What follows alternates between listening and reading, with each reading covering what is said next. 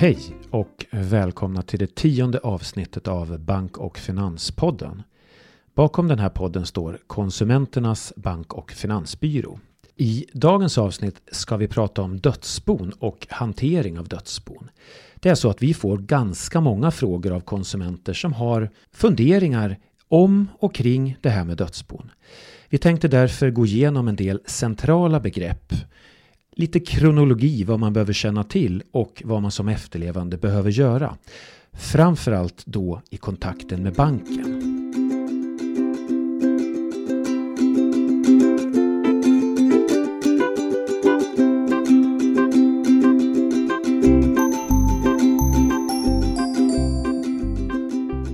Jag heter Fredrik Pettersson och med mig i studion har jag idag min kollega Eva Lindström.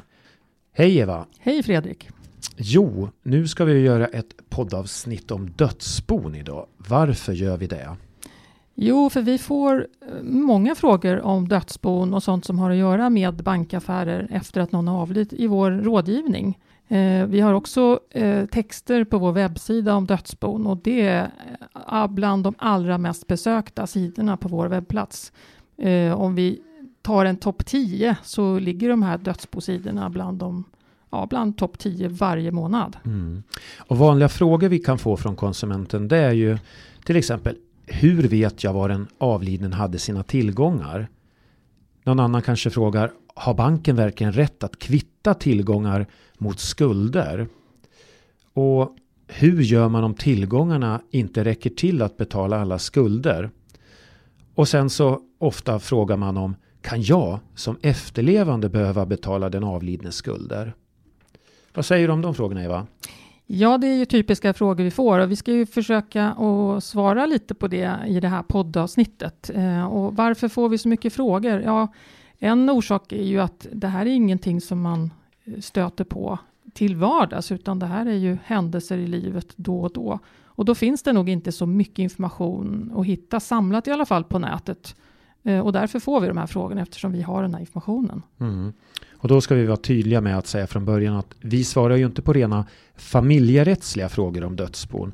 Utan frågan då ska ha en koppling. Det ska vara en koppling mellan dödsboet och banken. Har man rena familjerättsliga frågor om hur man gör en bouppteckning, hur man gör ett arvsskifte eller om det är tvister mellan dödsbodelägarna, då hänvisar vi konsumenten till en jurist eller en advokat. Just precis. Men det finns ju en del centrala termer. Jag tänkte vi, vi ändå kunde gå igenom de här från början. Och vad är det för begrepp man bör känna till? Ja, eh, ett begrepp som vi redan har pratat om här, det är ju det här dödsbo. Vad är det för någonting? Och dödsbodelägare, om man stöter på bouppteckning, dödsboanmälan och ett annat begrepp är arvskifte. Mm.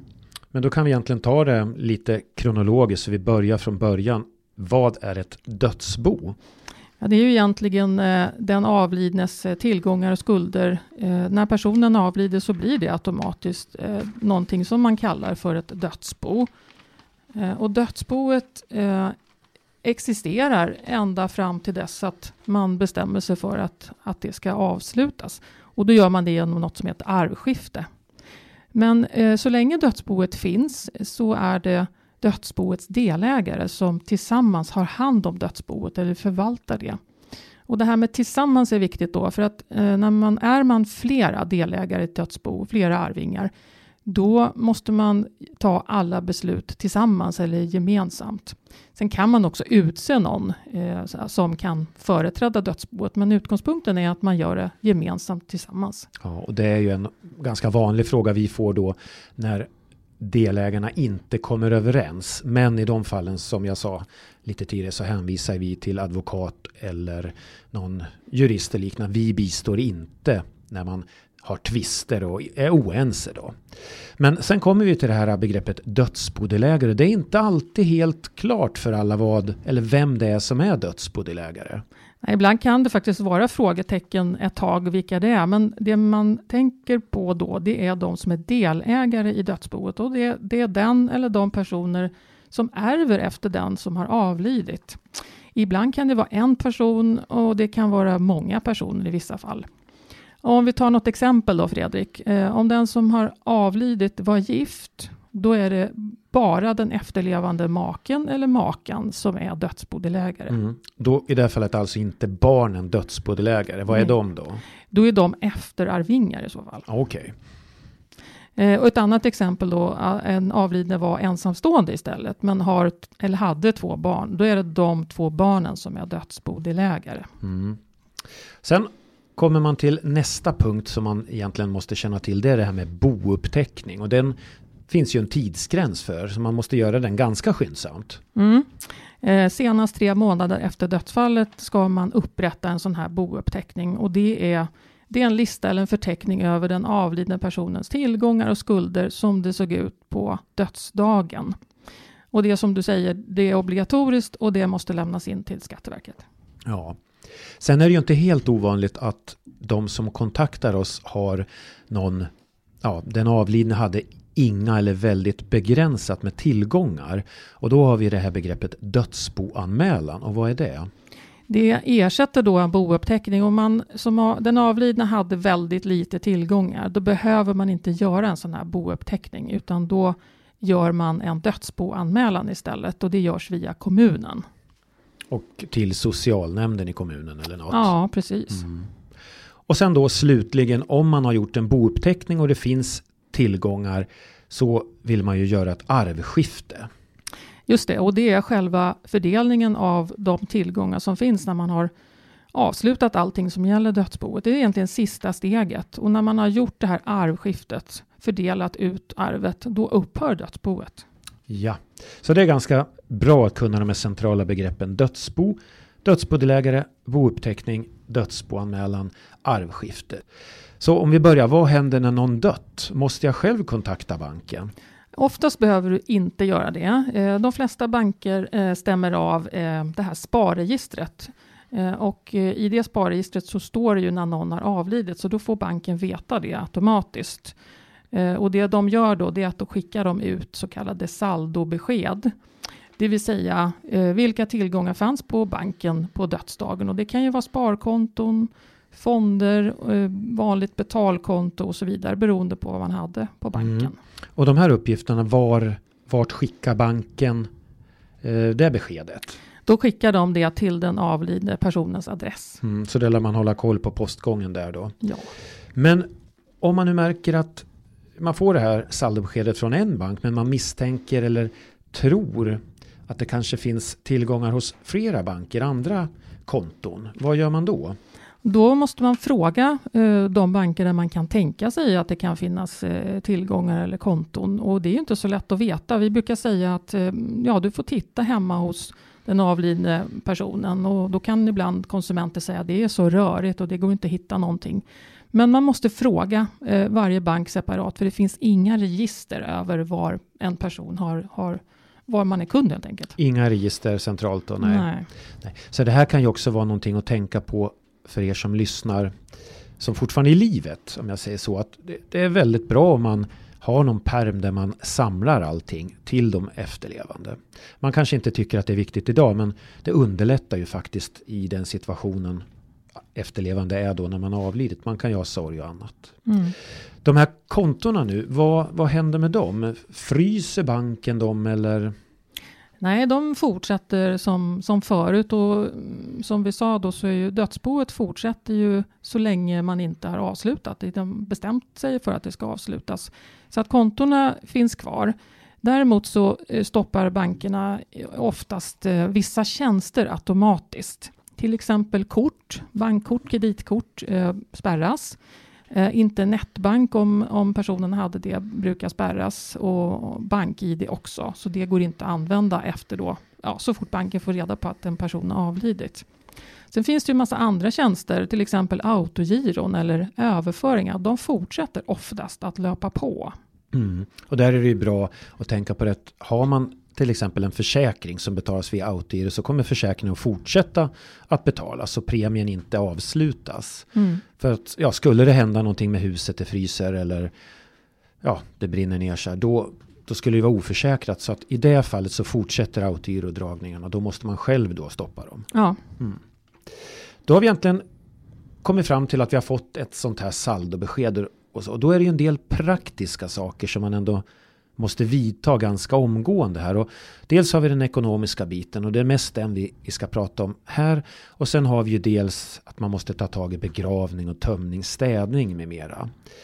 Men om vi säger så här att en konsument hör av sig till dig Eva och eh, är anhörig till en person som nyss har avlidit. Vad råder du den här konsumenten att göra då? Du har ju lite egen erfarenhet också eftersom din morbror avled ju för ett tag sedan. Ja visst, eh, han gick bort för några månader sedan och det var ju eh, en nyttig erfarenhet på, på många sätt också. Då visste jag mycket om hans ekonomi eftersom jag hade varit god man till min morbror. Så det, det, allt det där visste jag, men det var ändå väldigt mycket saker att ta tag i, upptäckte jag, mer än jag hade tänkt på faktiskt. Men eh, om man tänker utifrån vad är det som man gör som anhörig eller den som tar hand om ett dödsbo efter ett dödsfall så är det ju till att börja med som du sa då en del praktiska saker. Bostad, annan egendom som ja, behöver på något sätt hanteras. Och så det här med begravningen förstås, bara det är ju en, en, en stor sak och kanske också ett, ett svårt tillfälle i livet så att det, det är mycket att tänka på där. Och då gäller det ju att ha lite koll på ekonomin. För jo. en begravning är ju inte, ja den kan ju vara ganska dyr. Ja, jättedyr. Och det är en av de första saker man ska, man ska göra faktiskt, att eh, förutom det här rent praktiska, att titta på ekonomin. Vad, vad finns det för någonting? Vad finns det för tillgångar och, och så vidare? Eh, sen efterhand då så när man har eh, gjort en del av de här praktiska sakerna och satt sig in i ekonomin och kanske betalat av en del räkningar och så, då blir det ju dags för den här bouppteckningen som vi sa tre månader senast efter dödsfallet. Eh, och det sista steget är ju att man då skiftar arvet så småningom, det här arvskiftet. Mm. Men det första man måste göra, vad, vad är det? Eh, jag tycker det är bra att man eh, börjar med att beställa ett så kallat dödsfallsintyg. Det får man från Skatteverket. Och det, vitsen med det, det är att uh, man använder det som en legitimation när man ska representera dödsboet, till exempel på banken. För banken behöver ju veta att du som dyker upp där och säger att jag ska göra någonting för, för min avlidna släkting, att du, att du är behörig. Mm. Så att det här dödsfallsintyget från Skatteverket visar att du har en behörighet. Ja, så när jag går in på banken då visar jag upp det där äh, dödsfallsintyget. Mm. Behöver jag ha någon mer fullmakt eller så? Om du är ensam, eh, som sköter, eller ensam dödsbodelägare, då behöver du ingen fullmakt. Men är ni flera dödsbodelägare, som vi pratade om att det kan vara, då ska man göra allting gemensamt. Eh, och vill man då att en person ska företräda dödsboet, då måste man ha fullmakt från de andra dödsbodelägarna. Ofta finns det, den här typen av fullmakter kan finnas ofta hos bankerna, man kan hitta sådana. Mm. Men det är bra att tänka på att är man flera dödsbodelägare då, då gör man ju det här tillsammans som vi tidigare sa. Mm. Och det är inte bara bankfrågorna utan det blir ju egentligen i alla ärenden. Mm. Då har vi beställt det dödsfallsintyget, vi har kanske varit in på banken och så. Vad är viktigt att göra mer? Ja, det finns ju en, en del som då inte är bankrelaterat, om vi kallar det så. Eh, mm. Det här med bostaden, man kanske hade en lägenhet eh, som behöver sägas upp. Eh, man kan behöva säga upp prenumerationer på tidningar, se över försäkringar, elavtal, allt sånt där. För det görs ju inte automatiskt, utan det måste man då som dödsbodelägare ordna. Mm. Eh, förutom som vi var inne på, det här med begravningen förstås, som är viktigt att ta tag i ganska snabbt. Ja, och då kan man ju komma till det här problemet att vem gör vad? För att det kan ju vara så att det, ja, barnen kanske bor långt borta eller att man inte har någon direkt anhörig då. Men vem, gör, vem ska ta tag i allt det här? Ja, dödsbodelägarna har ett ansvar för att ta hand om de här sakerna efter att en person har, har gått bort. Eh, så att eh, ja, är man, är man flera så får man prata med de andra och komma överens om vem som gör vad. Sen kan det ju finnas i, i vissa fall så att man inte är överens. Alltså då går det att utse någon extern person att företräda dödsboet. Men det normala är ju att man pratar med varandra och bestämmer vem som gör vad. Men ibland finns det faktiskt ingen anhörig. Eh, och gör inte det, då har kommunen ett ansvar för att ja, helt enkelt ta hand om de här sakerna. Eh, det kan också vara eh, utomstående personer egentligen som kan ta hand om akuta saker. Det här med bostaden, att det inte händer någon, någonting i bostaden. Det kan vara en hyresvärd ibland om det inte finns någon annan. Mm.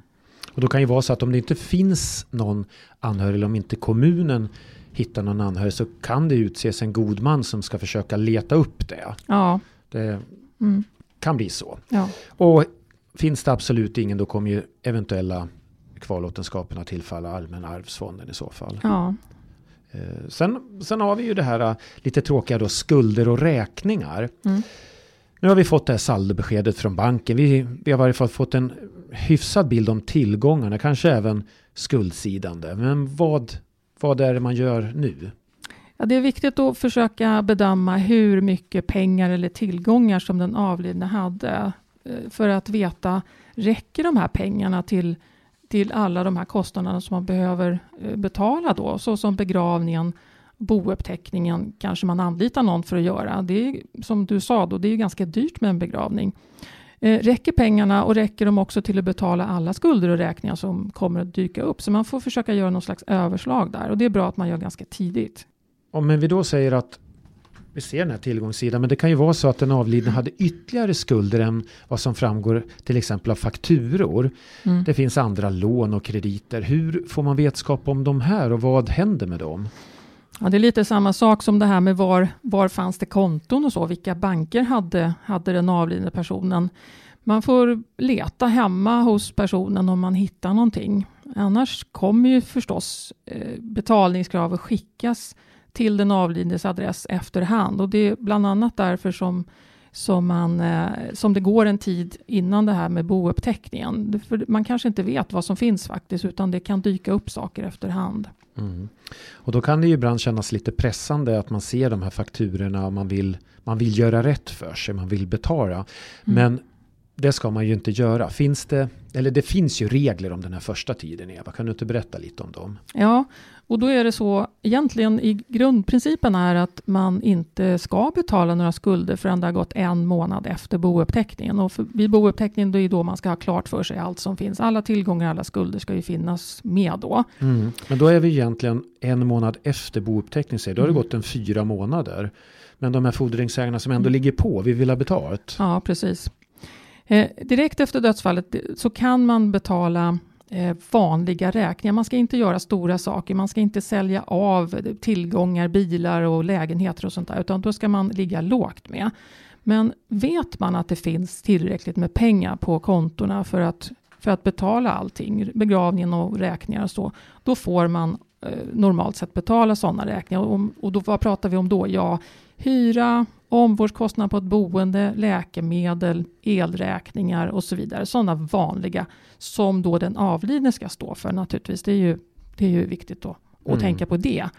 Och I den här lagen, om vi pratar om den då, som är ärvda balken heter den, då, då, skriver man så här, om det med fog kan antas att betalningen inte är till skada för borgenärerna, Mm. Borgenärerna är de som ska ha betalt. Ja, Då kan man, man, betala. Man ser i princip att det finns ett plussaldo där. Mer tillgångar än skulder. Då kan man betala. Ja, men är det tveksamt mm. eller om man ser att det kommer inte att räcka till. Då ska man inte betala. Utan då får man meddela de som skickar räkningar eller ligger på att vi kan inte betala det här nu utan ni får vänta. Mm. Och sen vet ju vi att eh, olika banker gör lite olika. En del släpper inte ut några betalningar överhuvudtaget har vi förstått. Ja. Innan det att bouppteckningen är klar. Ja. Andra kanske ändå medverkar till de här äh, sedvanliga räkningarna. Ja, precis. Vi har hört mm. exempel på båda varianterna. Mm.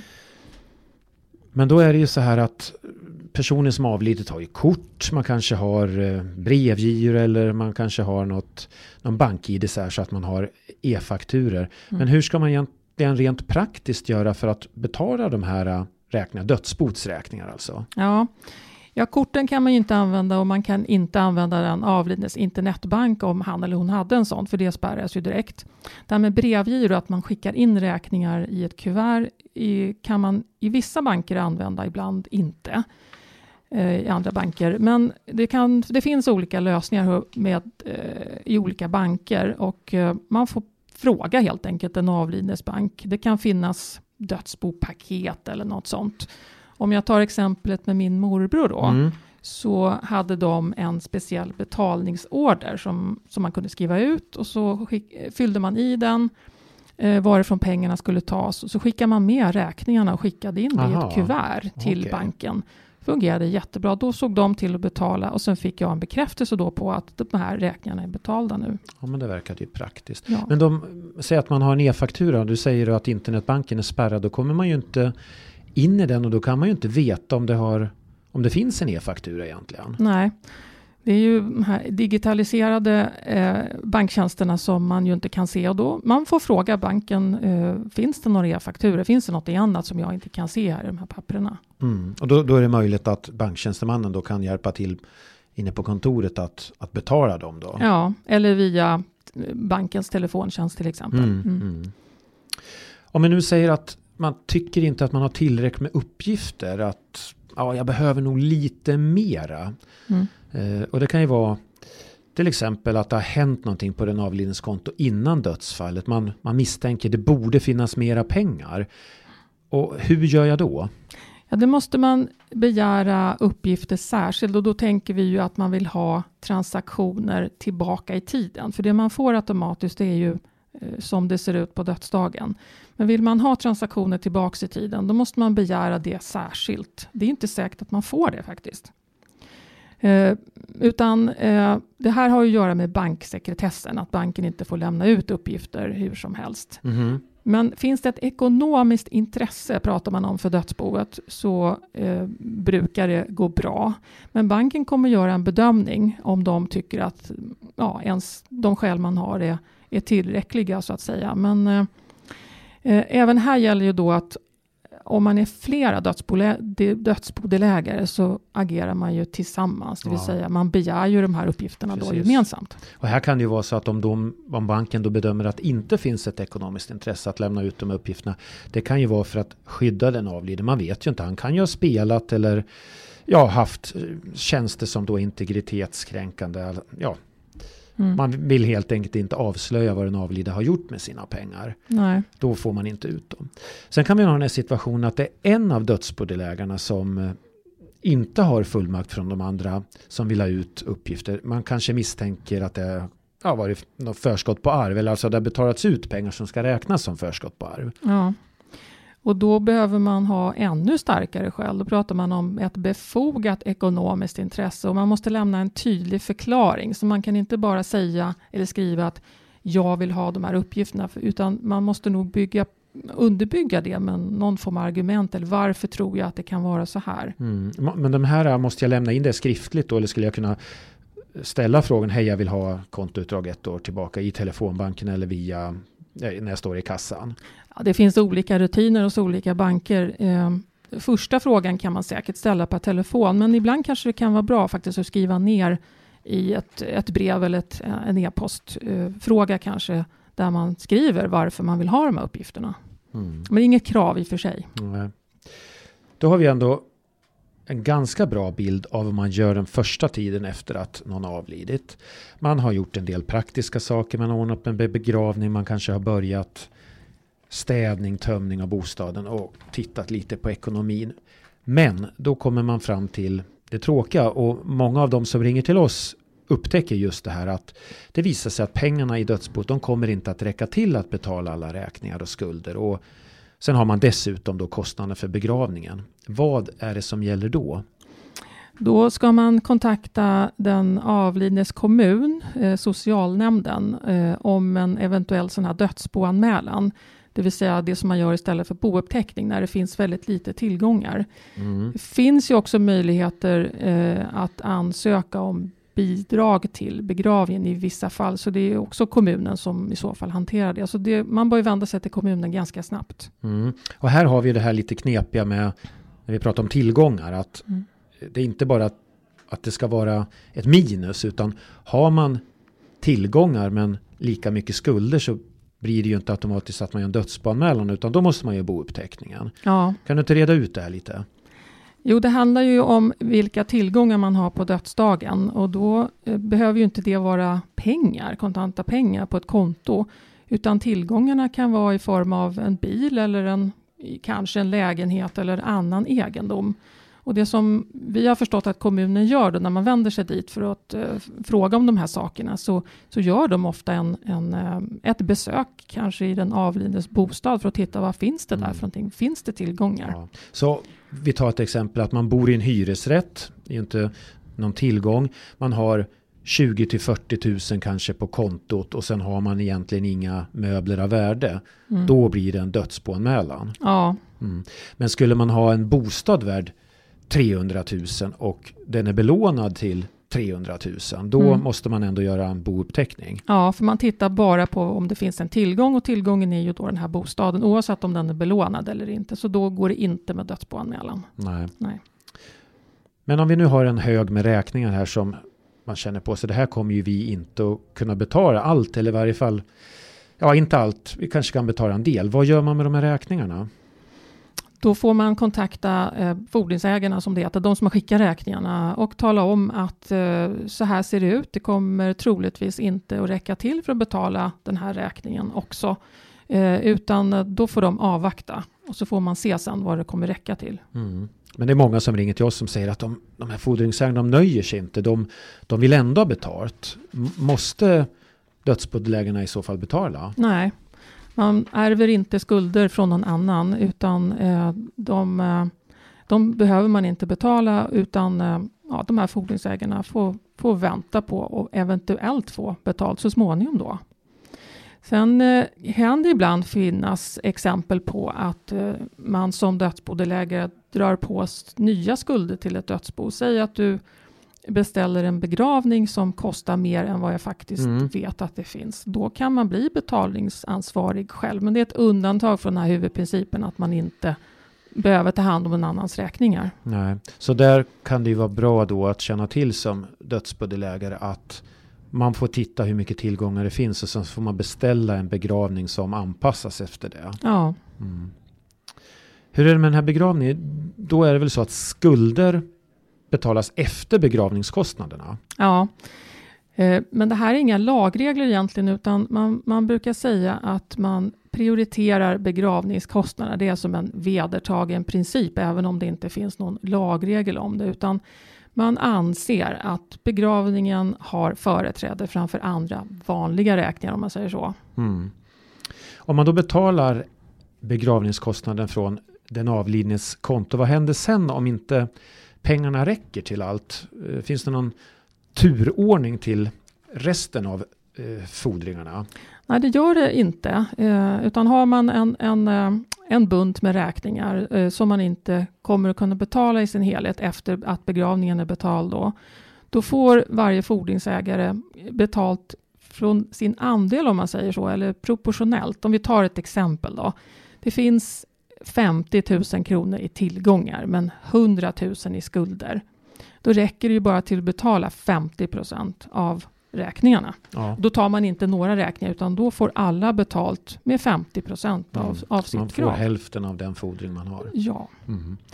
Sen är det ju inte helt ovanligt heller att det ringer konsumenter och säger att banken har dragit pengar från den avlidnes konto. Och eh, då kan det ju vara så här illa att det innan den här dragningen fanns pengar som räckte till begravningen. Men nu när banken har dragit så kommer det ju bli ett underskott. Vad Mm. är det som gäller då? ja, det här handlar ju om något man brukar kalla kvittning då. Eh, och det innebär egentligen att om du vill ha betalt av mig och samtidigt så har jag ett krav mot dig, då kan jag kvitta och säga jag behöver inte betala för jag har ju redan ja, en fordran på dig.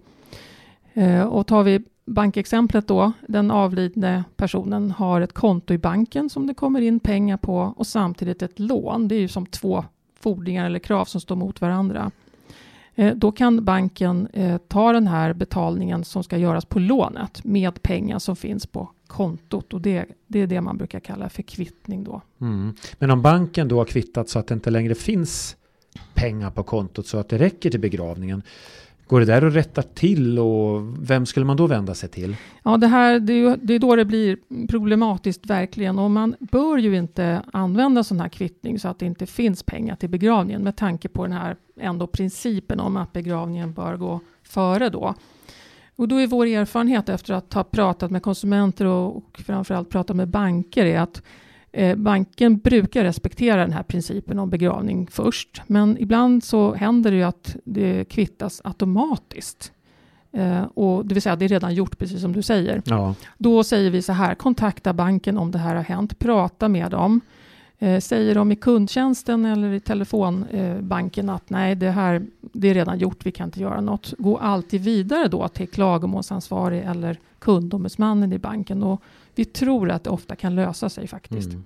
Och här har jag ju ett sånt här typexempel en gång då, då hade banken kvittat. Konsumenten ringde till oss fick ett nummer till, till klagomålsansvarig eller någon annan på banken så att det rättades till. Och då när pengarna åter kommer in på kontot då ser ju avdelningen eller personen som har dragit i första läget, titta nu har det kommit in mer pengar och drar en gång till. Mhm. Så de gör en ny kvittning så att åh, Ja, det, det vart lite problematiskt där. precis. Men det, här, det kan vi väl säga igen då att det här är också ett exempel på varför det är väldigt bra att försöka titta på det här jätte så snabbt det ändå går och bedöma vad finns det för tillgångar och framförallt vad finns det för skulder. Är det någonting som kommer dras automatiskt, ring banken direkt och prata med dem Mm. ifall det inte kommer räcka till. Då har vi egentligen pratat klart tycker jag om det här med brist på tillgångar i ett dödsbo. Men i de där fallen det har blivit då att det har varit så lite tillgångar så att det har blivit en dödsboanmälan. Då i princip hanteringen av dödsboet slut här. Ja, precis. Eh, Då upphör dödsbo, dödsboet i och med eh, dödsboanmälan som ju då görs av kommunen som skickar in det till Skatteverket. Mm, och den ersätter då bouppteckningen. Ja, Och sen finns det inte något arv att fördela. nej det gör det ju inte då. Nej. Nej. Då hoppar vi egentligen fram till i de lägen där det finns tillgångar och vi pratar om att man ska göra den bouppteckningen. Det här var en liten utvikning egentligen när det fanns lite pengar. Men om det finns tillgångar som överstiger ett visst belopp då måste man alltså göra bouppteckningen. Ja. Och hur mycket tillgångar ska det finnas?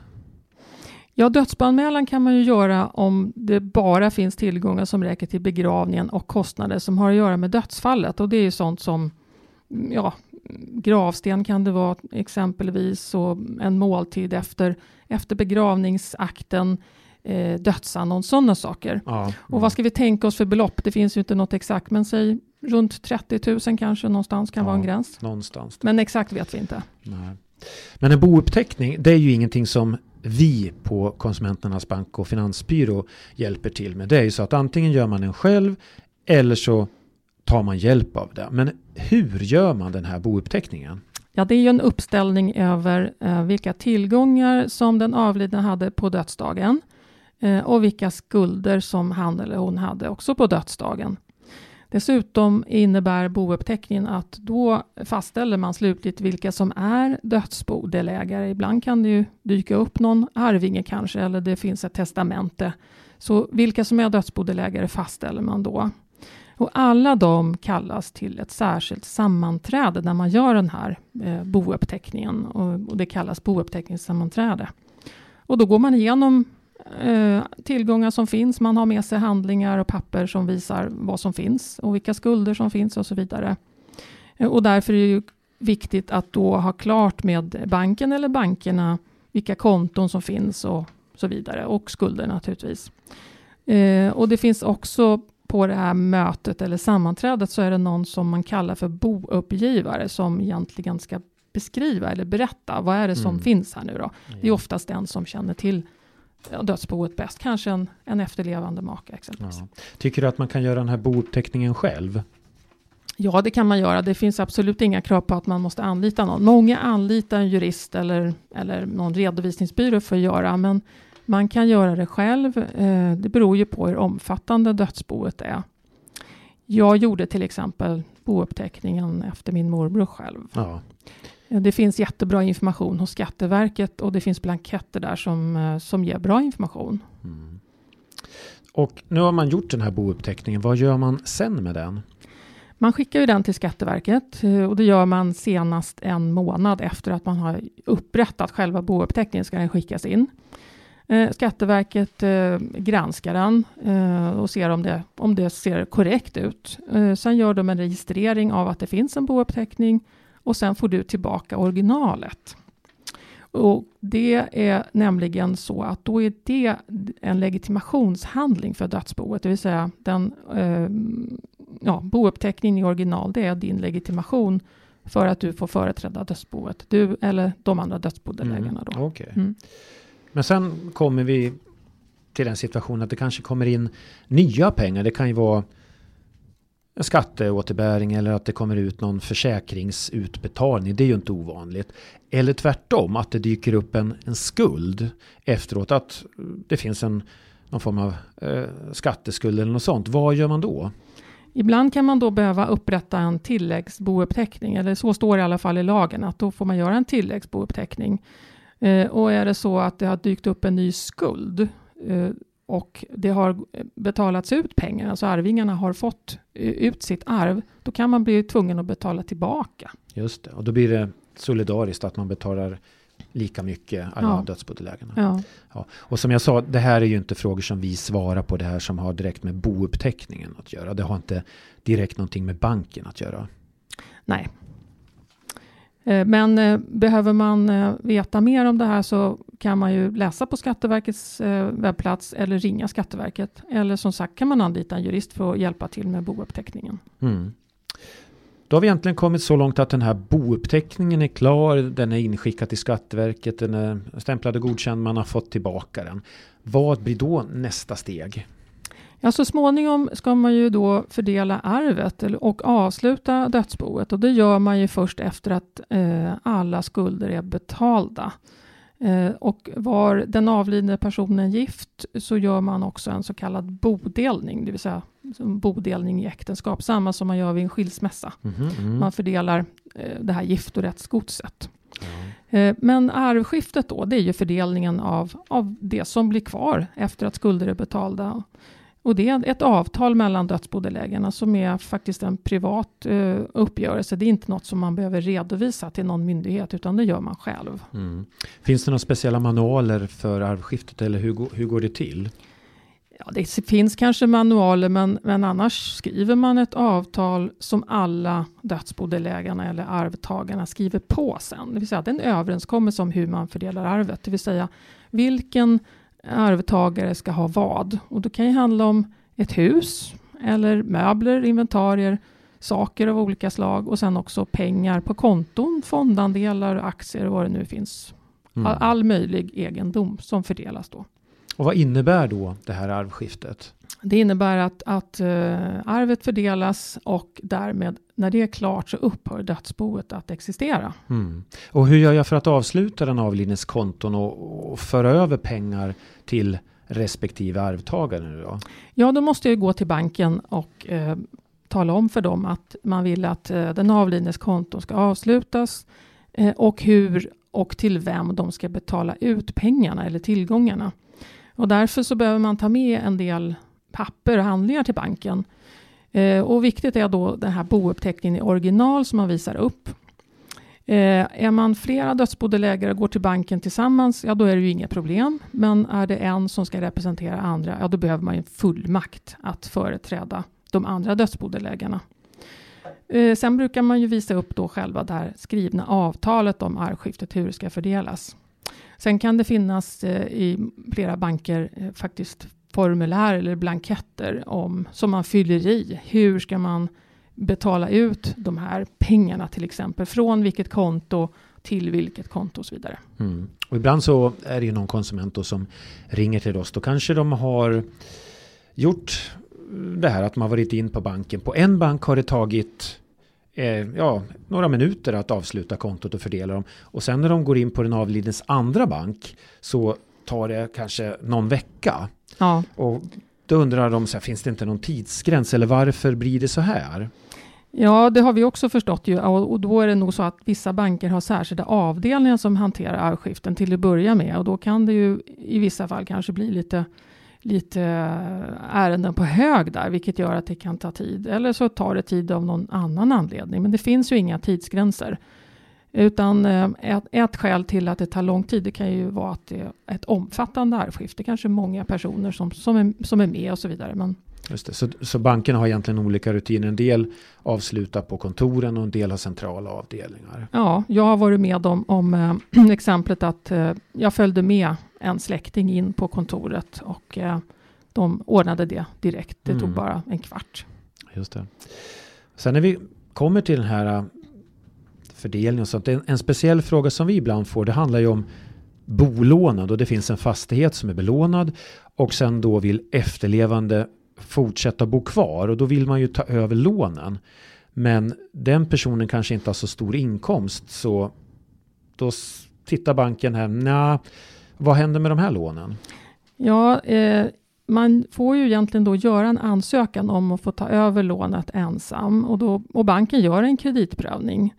Och I vissa fall, som du säger, då, så kan det ju faktiskt visa sig att det, det här går inte riktigt ihop och då kan det ju bli så att man till slut behöver sälja det här huset för att man klarar inte det ekonomiskt. Och det kan ju vara tråkigt att behöva flytta ja, då.